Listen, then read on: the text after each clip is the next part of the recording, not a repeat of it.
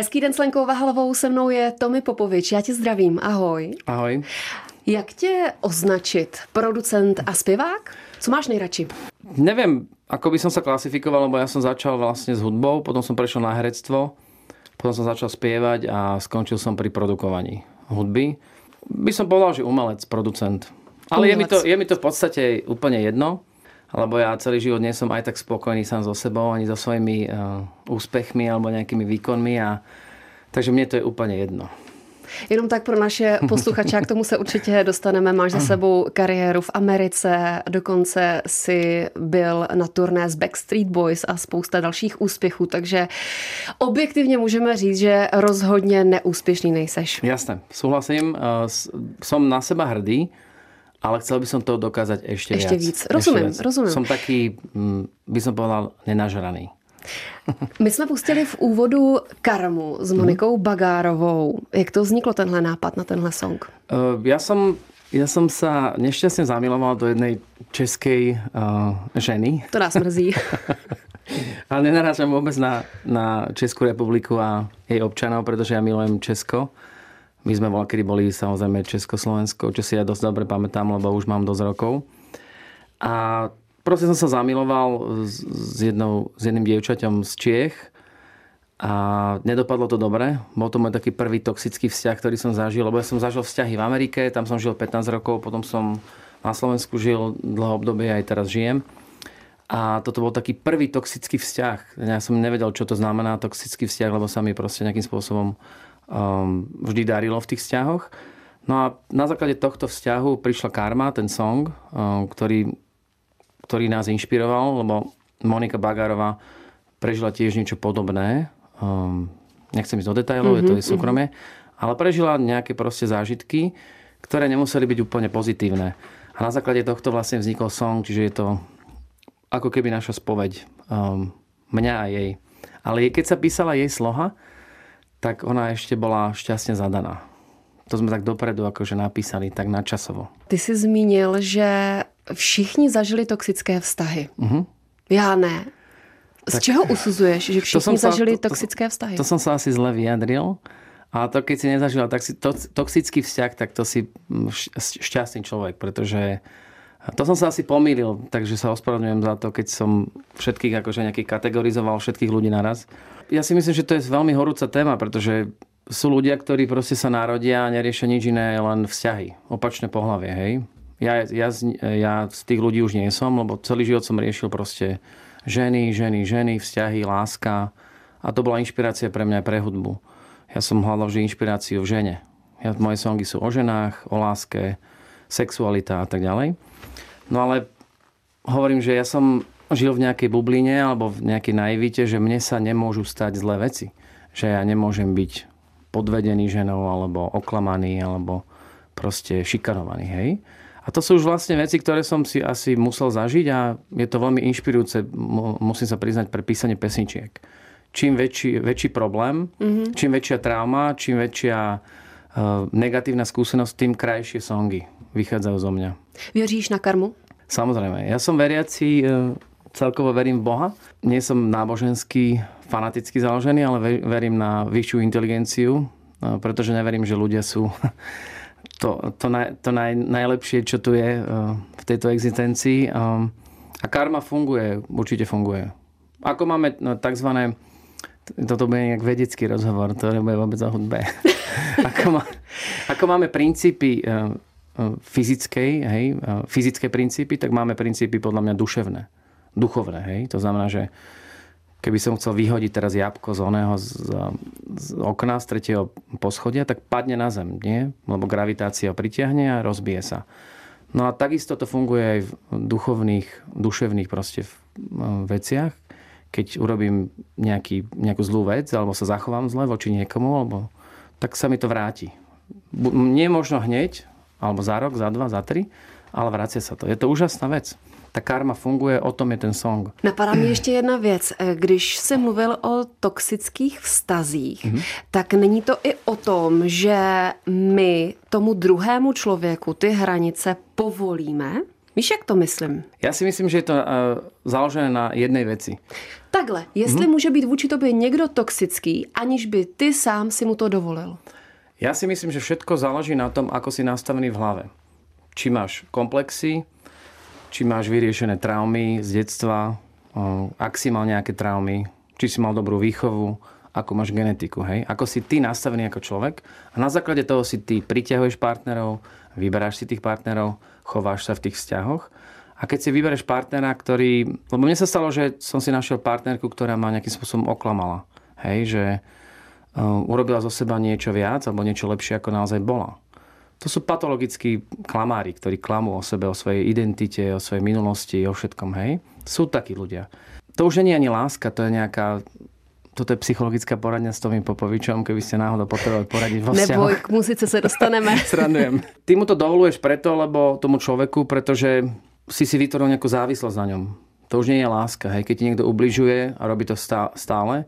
A to už nehovoríme o domácom násilí, to je ďalšia téma mm. do inej relácie. Ale proste dejú sa rôzne veci, o ktorých sa vôbec v médiách nehovorí, nerieši sa to, um, pretože sme strašne posadnutí materializmom a sociálnymi sieťami, čo sme sa bavili, mm. a inými aspektami života a nedávame pozor na na to, čo sa naozaj deje a čo by sa spoločnosť, čomu by sa spoločnosť mala venovať. Hej? Čiže tam potom vzniká taký štokholmský syndrom, že ty vlastne ochraňuješ toho, kto ti ubližuje v tom toxickom mm. vzťahu, pretože tvoje ego, ja som si čítal nejaké štúdie o tom, nejaké vedecké, tvoje ego ťa chce ochrániť pred tým, ako ti niekto ubližuje, tak ti vytvára ospravedlnenia, že prečo ti ten človek mm-hmm. ubližuje. Sú, sú tam rôzne psychologické mm-hmm. procesy. Hej. Tam je dôležité ja už túto tému teda uzavrem, mm-hmm, aby som to mm-hmm. nerazvíjal. Tam je dôležité, ako náhle vznikne, ja mám teraz také nové pravidlo. Opačné pohlavie alebo niekto urobí jednu chybu voči mne, hej, že žiadne druhé šance neexistujú. Jeden prešlap, ktorý sa nedá tolerovať, ktorý, ne, ktorý proste prekročil mm-hmm. tú mhm. hranicu rešpektu, lásky alebo vzájomného porozumenia, končím. Som, balím sa, idem preč, alebo ten človek sa balí. Čiže žiadne druhé šance, tretie šance, už to neudelám.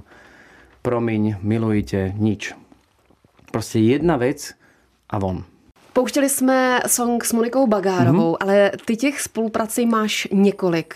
Byla tam spolupráce s Rytmusem, s mm-hmm. Týnou, Mike Spirit a tak dále a tak dále. Dara Rollins. Dara Rollins. Nebe peklo raj. Podle čeho si vybíráš spolupráce? Kývneš na všechno, anebo si pečlivě vybíráš, eh, s kým půjdeš do hudební spolupráce? No, vyberám si to. Veľakrát sa ale stane, že sa mi ozve klient, ktorý je neznámy. Spevák, ktorý je neznámy. Spevačka, ktorá je neznáma, hej. Ľudia, ktorí chcú pomôcť nejako vybudovať kariéru, o ktorých sa vôbec nevie. Um, vyberám si na základe nejakej energie a nejakých schopností. To znamená, že keď ten človek má schopnosti a je talentovaný, nie je to vždy otázka peňazí, že urobím to, lebo dostanem za to zaplatené. Musí tam byť proste dobrá energia, musí to byť dobrý človek, musíme si sadnúť, hej. Čo sa týka spolupráci s týmito menami, ktoré si spomenula, tak ja som bol v Amerike 15 rokov a vlastne sa začal ozývať rytmus, že chce spoluprácu so mnou, lebo sa dozvedel o mne, že tam mhm. fungujem cez môjho brata. A ja som potom sa vrátil na Slovensko, lebo som sa zamiloval do jednej krásnej slečny, Maminky tvojej dcery. áno, ma, mami mojej dcery. Vlastne hovorím si, že chcel by som prísť na Slovensko s tým, lebo tá láska je silnejšia ako kariéra. Čiže ja som tam nechal tú kariéru a začal som pracovať s československými umelcami. Hej? Ale hovoril som si, že chcel by som mať hit v Československu predtým, ako sa tam vrátim. Tak som napísal song Príbeh, ktorý bol vlastne duetom e, Tina Rytmus, ktorý sa dostal aj do Českej republiky a stal sa vlastne najhranejším songom aj na Slovensku, aj v Čechách v tom čase, keď vyšiel 2009. Mm, to bolo. Mm.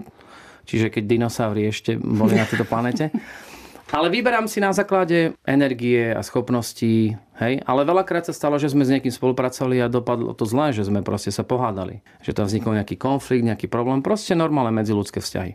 Ale mne vždy išlo o výsledok, o to, aby som urobil uh, dobrú prácu, aby, ten song, aby tie songy boli hitové, aby to boli proste už úspešné projekty. Mne išlo len o tú prácu, o tú hudbu, nič iné ma nezaujímalo. A ja sa potrebujem dostať k tomu výsledku aj cez mrtvoly. Tušil si, že ten song s Darou Rollins bude mít takový úspěch, protože třeba jenom na YouTube má Nebe, peklo, raj přes 24 milionů shlédnutí. Má, e, ale Ego nás prekonal s jeho uh-huh. hitom Žijeme len raz. Uh-huh. A to má nejakých 80. Čo sa týka toho songu, to bolo veľmi zvláštne, pretože ja som urobil ten príbeh Tina Rytmus a to bol dosť veľký hit. Neviem, či, si, či ho poznáš mm-hmm. osobne, alebo či um, si ho počula. Asi hej. A veľa ľudí mi hovorí, že to už neprekonáš, tento song. Jeden konkrétny človek, nebudem ho menovať, mi hovorí, že to sa ti už nepodarí prekonať tento song. Tak som sa nahneval. to ma strašne inšpirovalo, lebo mňa keď niekto podceňuje, mňa to inšpiruje ešte k lepšiemu výkonu. Mm. Čiže ja milujem negativitu, tam ma nakopne totálne. A bol som v Amerike v tom čase, kde som išiel, akože to je môj druhý domov, tak som išiel tam pracovať, e, robiť hudbu, aj sa pozrieť, čo sa deje a tráviť tam čas. A bol som veľa v Hollywoode a prechádzal som sa s kamarátom v takom e, shopping centre. A išlo oproti Dara. Hej? Dara Rollins. A my sme o sebe vedeli, veď aj môj brat s ňou niečo pracoval, on je tiež umelec a vedela o mne, ja som vedel o nej, tak ja, ja ju uznávam od uh, raného veku, keď už začala spievať. Ona bola úžasná. Zvonky šťastie. Ona mala aj iné hity, také mm. slovenské, ktoré som si viac išiel. Tie zvonky šťastie to není moc pre mňa uh, hudba, ale, ale je to úžasné, akože čo, je to klasika, hej, Československá. Čiže ja som ju uznávala, bizarné, celé, bizarné na tom bolo to, že my sme sa stretli nie na pôde Československa, mm. ale stretli sme sa v Amerike. Čo mi prišlo strašne bizarné. A tam sme si vlastne dohodili, doho, dohodli spoluprácu, že urobme spolu song. Stretávali sme sa tam, počúvali sme hudbu, púšťali mi svoj nový album a tak ďalej. A ja som prišiel domov na Slovensko a urobil som tento song Nebo peklo raj, celú hudbu aj všetky melódie k tomu také demo, hej, taký akože základný, základnú nahrávku. A ja som instantne vedel, že to bude akože obrovské. A Dara potom napísala text. Jak to, že si to vedel? Po tých rokoch, keď akože niečomu sa venuješ, tak už mm-hmm, vieš, mm-hmm. hej. A každý dobrý producent alebo každý talentovaný producent, teraz nechcem sám seba promovať, vie, že toto je dobré, toto je chytlavé. Ty už vieš, že toto je hit, toto je slabé, toto je polohit, toto môže byť hit, keď sa tomu niečo ešte udeje. Čiže ty už musíš vedieť proste. A ja sa snažím byť akože top celý život a tým, že som trávil dlhý čas v Amerike, tak som sa vypracoval na takú inú úroveň, ktorú bohužiaľ Československo by mi nikdy ako skladateľovi nedalo. A... Takže ty si tušil, že nebe, peklo, raj bude prostě Hneď instantne. Uh-huh. A uh-huh. potom napísala krásny text Dara. Nazvala to Nebo, peklo, raj. Ja hovorím, že mala by si zmeniť ten názov, lebo mne sa to nepáči, také názvy. Hej? Také, že nebo, peklo, raj. Je to moc také muzikálne. A ona, že nie, že meniť to nebudem, že to ostáva. Uh-huh. Že OK, dôverujem ti, je to tam. Pojďme na chvíli do té Ameriky, protože mě Pojďme. asi nejvíc Zajtra zaujalo. Letíme. Pojďme, zítra. Mě nejvíc zaujalo, mm. že si žil a v Chicagu to bylo, tuším, mezi Černochy v getu. Je to pravda? Áno. Neviem, odkiaľ máš tieto informácie, ale je to úžasné, že ich máš, pretože o tom nikto nevie skoro. A dokonca mám aj videá, ktoré, um, ktorý, ktoré slúžia ako dôkaz, že sa to naozaj dialo, že nie, nesedím tu teraz a nevymýšľam si, že ja, ja som to mal také ťažké a bol som v gete a bol som tam. Ja som tam, vlastne ja som študoval na konzervatóriu eh, herectvo a hudbu a potom som s kamarátom eh, odišiel do Ameriky s tým, že som to neoznámil svojej rodine. Bolo to pripravované veľmi tajne, lebo som sa bál, že ma rodina nepustí. Mm-hmm. A co ti pak máma řekla? Hrozné veci. Mm-hmm. A moja mama má v Chicagu bratov. A tam sme zdrhli vlastne s kamarátom v 1995 roku, mali sme mm. 18.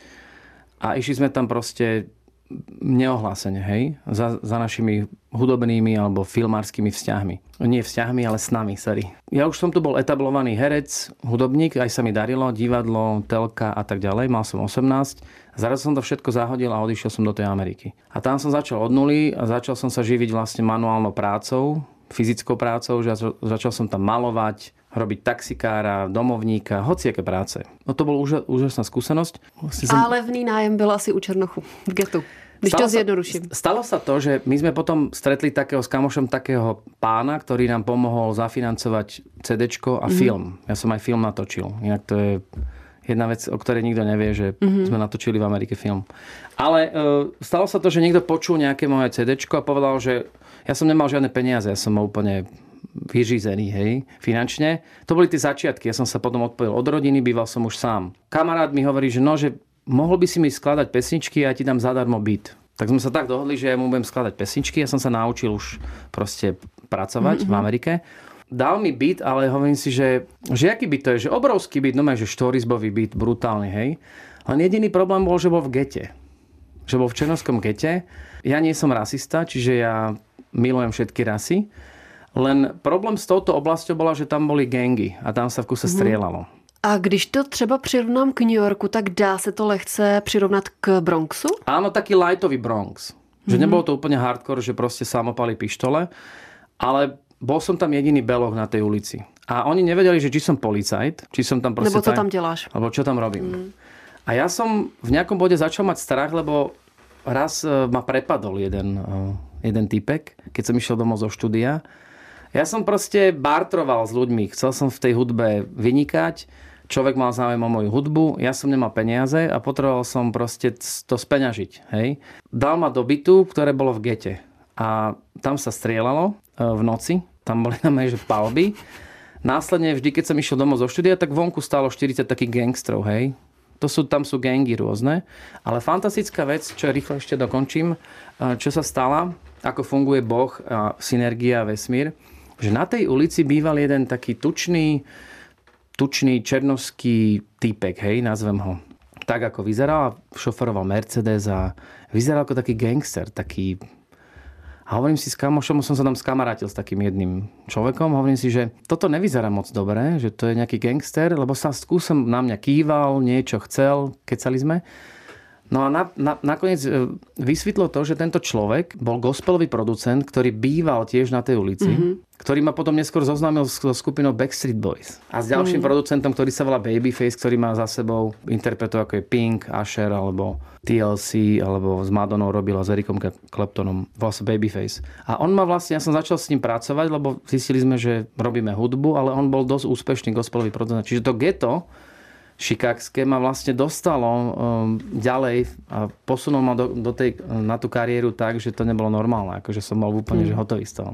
Čiže nikdy nevieš, čo ťa poskytne, uh, postretne v živote, kde čo z ktorej diery vyleze buď potkan alebo diamant. Prostě nevíš. Mrzí tě, že jsi odešel z Ameriky? Nebo takhle, čistě hmm. hypoteticky, jak by to fungovalo, když by si neutekl za láskou do Československa hmm. nebo do, do Česka, na Slovensko, hmm. ale zůstal si v Americe? Je to úžasná otázka, ďakujem, že si sa opýtala, pretože toto je vlastne e, niečo, čo riešim každý deň, už posledných 10 rokov. Mrzí ma to, že som to nejako nenastavil, akože ešte nie je koniec mojej kariére v Amerike, hej, len stalo sa to, že sa mi narodila krásna dcera, ktorú milujem nadovšetko a som do nej zamilovaný, hej. To puto, ktoré máme ako otec a dcera je úžasné a proste toto je niečo, na čom si ja staviam svoju, svoju existenciu, hej. Že proste e, nie, že chcem byť dobrý otec, ale som dobrý otec.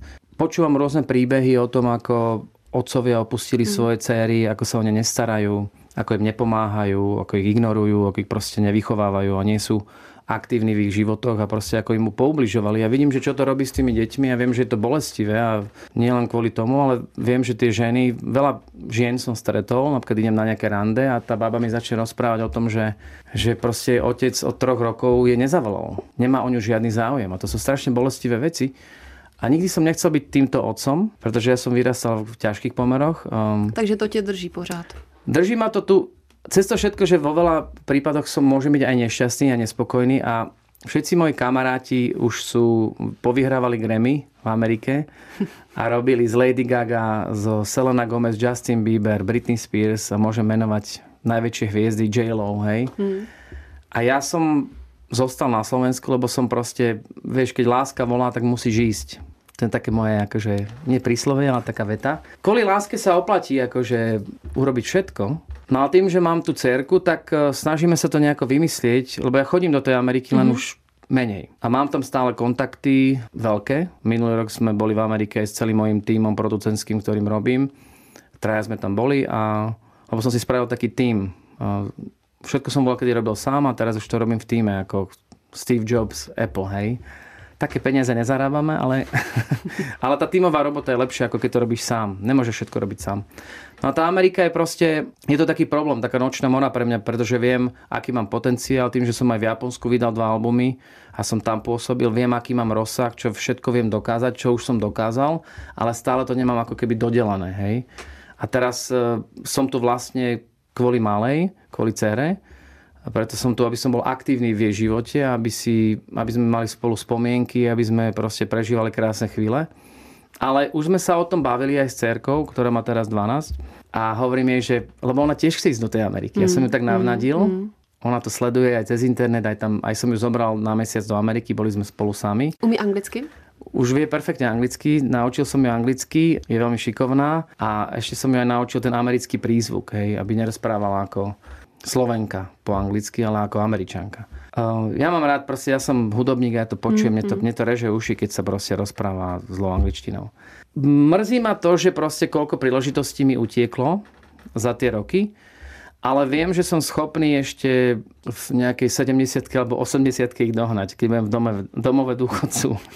Čiže pracujem na tom, aby som to nejako spojil, hej? Ale teraz je iný problém. Mm-hmm. Mení sa svet. Zmenil mm-hmm. sa svet. Mm-hmm. Svet sa zbláznil. Ľudia sa zbláznili.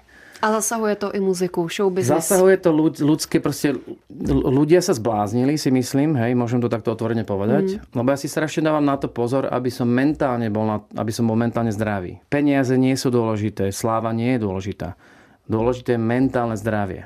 Hej, duševná rovnováha, duševný, duchovný rast. Hej. A ten upadá, ale že brutálne. Ale nie len tu, ale hlavne v Amerike. Americe. Hm. Hlavne v Amerike. Plus Amerika sa stáva strašne násilná. Sú tam veľmi e, liberálne zákony aj voči trestné zákony, hej, kde proste tam funguje nejaká liberálna politika na to, hm, volá sa to, že woke politika, že proste urobíš nejaký trestný čin a nejdeš do basy. Hej, že proste pustia ťa, odpustia ti. Veď ty si to tak nemyslel, hej? A toto sú veci, ktoré mi vadia, pretože sa stráca mm. už nejaká taká normálna mm. sociálna bezpečnosť, hej? Kedy proste nie si v bezpečí na ulici, veľa zbraní, majú veľa násilia a začína sa tá Amerika meniť. Čiže mne sa to skomplikovalo aj tým. Je tam taková nezdravá benevolence? Nebo Presne to... tak. A to je cieľené. To je proste cieľené. Mm. Nechcem to moc rozoberať. Mm, jasne, rozumiem. Ale je to cieľené a fascinuje ma to. Teraz v Chicagu, napríklad, kde som žil mm. 12 rokov, od 1. januára 2023 prestáva kaucia. To znamená, že ty urobíš nejaký trestný čin, dajme tomu, niekomu ublížiš a tak viac mu ublížiš a do dvoch hodín ťa pustia z basy domov. Ješ domov spinkať. Hej? Proste začínajú sa tam diať tieto mm-hmm. veci, ako si mhm. spomínala a mení sa ten svet. Čiže neviem, ako to zmanéžujem, že v tomto novom svete riešiť, lebo ja som zvyknutý na Ameriku z iného pohľadu. Ja, som, ja si takúto Ameriku vôbec nepamätám. Proste mne vadia zbranie, mne vadí násilie, mne to strašne, strašne vadí. Mne, mne vadí, keď duševné zdravie, mne vadia drogy, mne to hrozne vadí, ja to nenávidím zo srdca. Som súčasťou nejakého showbiznisu, ale v živote som si nedal drogu, nenavím to proste. Alkohol minimum, taký nudný typek. A na závěr máš nějaký sen? Sen? A zajímá mě hudobní sen. Muzikantský, producentský. Mám sen, chcel by som strašne sa vrátiť e, do tej Ameriky a dokázať tam proste robiť s nejakými veľkými hviezdami, kde by sa nám podarilo urobiť nejaké hity, ktoré by boli celosvetovo hrané a proste je to môj sen to dotiahnuť. Lebo robil som s Backstreet Boys, mm. boli sme na turné v Japonsku, vydal som tam dva albumy, robil som so Snoop Doggom, hej, urobili sme spolu song, robil som s rôznymi ľuďmi, doma tiež, um, ale stále nie som spokojný a strašne rád by som to doťukol a hlavne mi ide o to, už mi nejde ani o mňa, ako mi ide o to, aby moja dcera bola na mňa hrdá aby som ju inšpiroval. Aby si mohla povedať, že, že mám super otca, hej, že proste ju inšpirujem k veciam, ktoré ona potom môže dokázať. Takže, Dělat ne... muziku, ktorú vlastne na Slovensku úplne slobodne delať nemôžeš. Nemôžem, no, ale snažíme teraz, hovorím, že teraz už veľmi veľa talentovaných ľudí vzniklo mm-hmm. v Československu, proste sa objavili zľava sprava, hej, rozkvitli, čo sa strašne teším, ktorých aj uznávam, veľa ľudí tu proste začína veci meniť.